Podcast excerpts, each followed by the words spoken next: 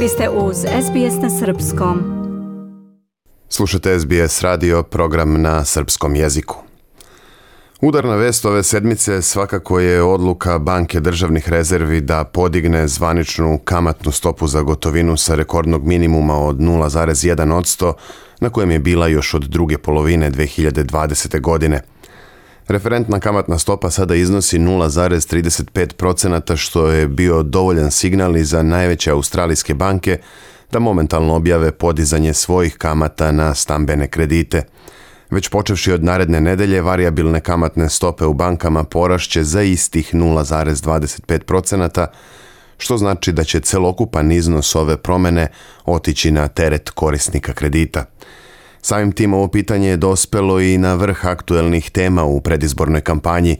Ekonomija je u potpunom fokusu stranaka i njihovih lidera, a naročito otkako je objavljeno da inflacija u Australiji raste stopom od preko 5% na godišnjem nivou. Aktualna ekonomska pitanja bila su i u središtu debate saveznog blagajnika Josha Freidenberga i njegovog suparnika iz redova laburista – Jima Chalmersa, oni su se suočili u nacionalnom pres klubu u Kamberi. Kako je tekla polemika dvojice kandidata za prvog čoveka nacionalnog trezora u naredne tri godine, reći će nam saradnica SBS radija Nina Marković. Nina, dobar dan. Dobar dan. Kakve su stavove po pitanju ekonomske situacije izrazili Freidenberg i Chalmersa, šta su o tome govorili lideri dve najjače političke opcije u zemlji? Ovo sve pokazuje, ova debata koja se nastavlja da je ekonomija glavna, znači ekonomska tema ovih izbora. Vlada tvrdi da su međunarodni faktori oni koji stavljaju najveći pritisak na inflaciju i interesnu stopu. Eto, u skoro 12 godina interesna stopa je prvi put podignuta od strane Rezervne banke Australije. Opozicija tvrdi da vlada u stvari negira svoje učešće u trenutnoj ekonomskoj krizi u Australiji. I Antoni Albaneze kaže da Scott Morrison kao premijer nikada ne želi da prihvati od, odgovornost kada je eh, nešto, kad ne ide po njegovom toku. Federalni blagajnik i opozicijalni izaslanik za ekonomska pitanja su u svoje debati optuživali jedni druge po tom istom formatu. Njihove glavne teme razgovora bili su rastući spoljni dug države, smanjenje potrošnje, finansiranje nacionalnog programa za osobe sa invaliditetom i oporezivanja. Zanimljivo je da su obojica upitani kako bi druga strana reagovala kada bi ušla u vladu, u sledeću vladu, znači nakon izbora. Jim Chalmers je rekao da bi koalicija nastavila da ignoriše stvarnu cenu životnog standarda australijanaca u, sve, u sred krize i da bi nastavili da ne povećavaju plate u Australiji. Dok je Josh Frydenberg, državni blagajnik rekao da bi laburistali, laburiste povećali oporezivanje. Imamo još jedan komentar odlazećeg IKA komisionara Stevena Raštona koji je e, rekao ove nedelje da je napad na njegovu agenciju od strane Scotta Morrisona i države apsolutno uvredljiv i da to nije dobro za bilo koje državne institucije na nivou država i teritorija.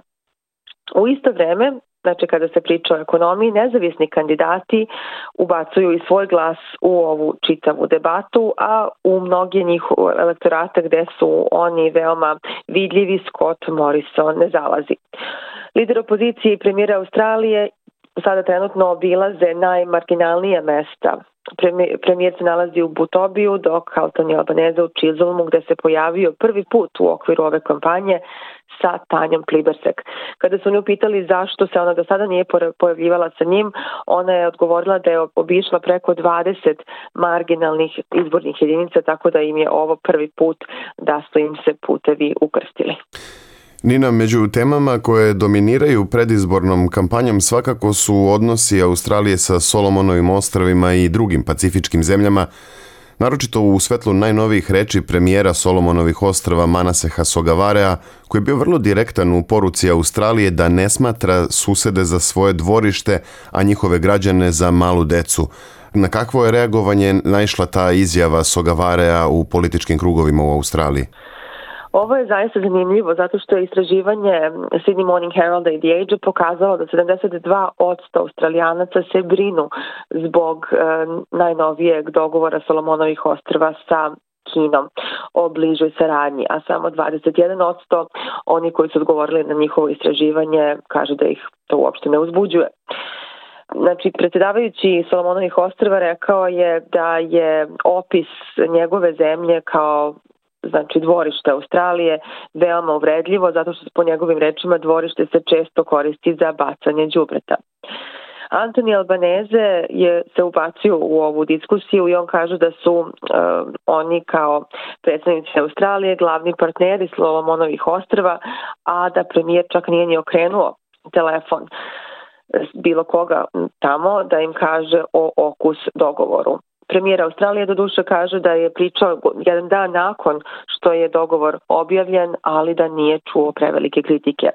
Na to odgovaraju se Solomonovih ostrava da Australija mora da se konsultuje sa njima i svojim susedima upravo zbog toga što će po okus dogovoru nuklearne podmornice ploviti pa- pacifičkim regionom, tako da to predstavlja opasnost i za njih. Zanimljivo je znači da je spoljna politika u ovom domenu deo kampanje jer tradicionalno ekonomske teme uglavnom samo dominiraju predizbornom kampanjom.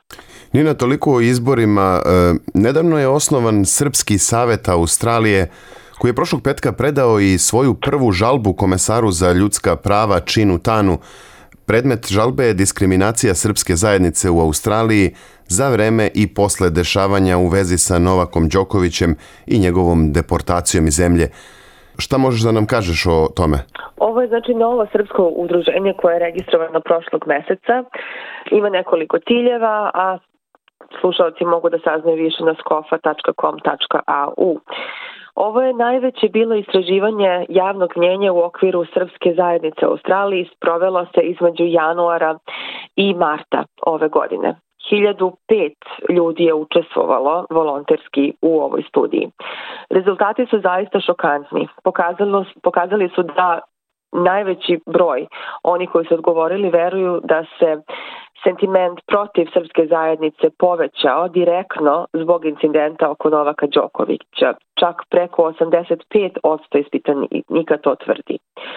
Takođe, ovo istraživanje je pokazalo da su negativni članci u australijskim i svetskim medijima takođe doprineli da se ljudi srpskog porekla u Australiji osjećaju da su bili žrtve mobinga ili različitih vrsta diskriminacije. Još uvek nije došao zvaničan odgovor na ovu žalbu, ali Skofa se nada da će raditi zajedno sa komisionarom protiv rasne diskriminacije gospodinom Činom Tanom da bi se sprovelo i dalje i detaljnije istraživanje o ovom pitanju zato što je zaista šokantno da je toliki broj ljudi prijavio znači različite vrste diskriminacije bilo da je bilo na radnom mestu, u školi, na raznim bukvalno lokacijama i oni su čak davali direktne komentare kakve su dobijali od poslodavaca, od kolega, od komšija, od poznanika, od nepoznatih ljudi Prijavljeno je takođe da je određen broj ljudi srpske zajednice dobio direktne pretnje zato što su želeli da vide da Novak Đoković učestvuje na otvorenom prvenstvu Australije. Tako da je zaista ovo jedno novo istraživanje iz kofa se nada da, da će Komisija za ljudska prava možda kasnije preuzeti dalje ovaj slučaj. Svakako ćemo pratiti ovu temu. Toliko za danas. Nina, hvala. Bila to naša stalna saradnica, politikolog Nina Marković sa pregledom dešavanja u predizbornoj kampanji i drugim aktuelnostima na australijskoj političkoj i društvenoj sceni. Ja sam Branko Cvetojević. Ostanite uz SBS na srpskom. Dajte like, podelite, komentarišite. Pratite SBS Serbian Facebook profil.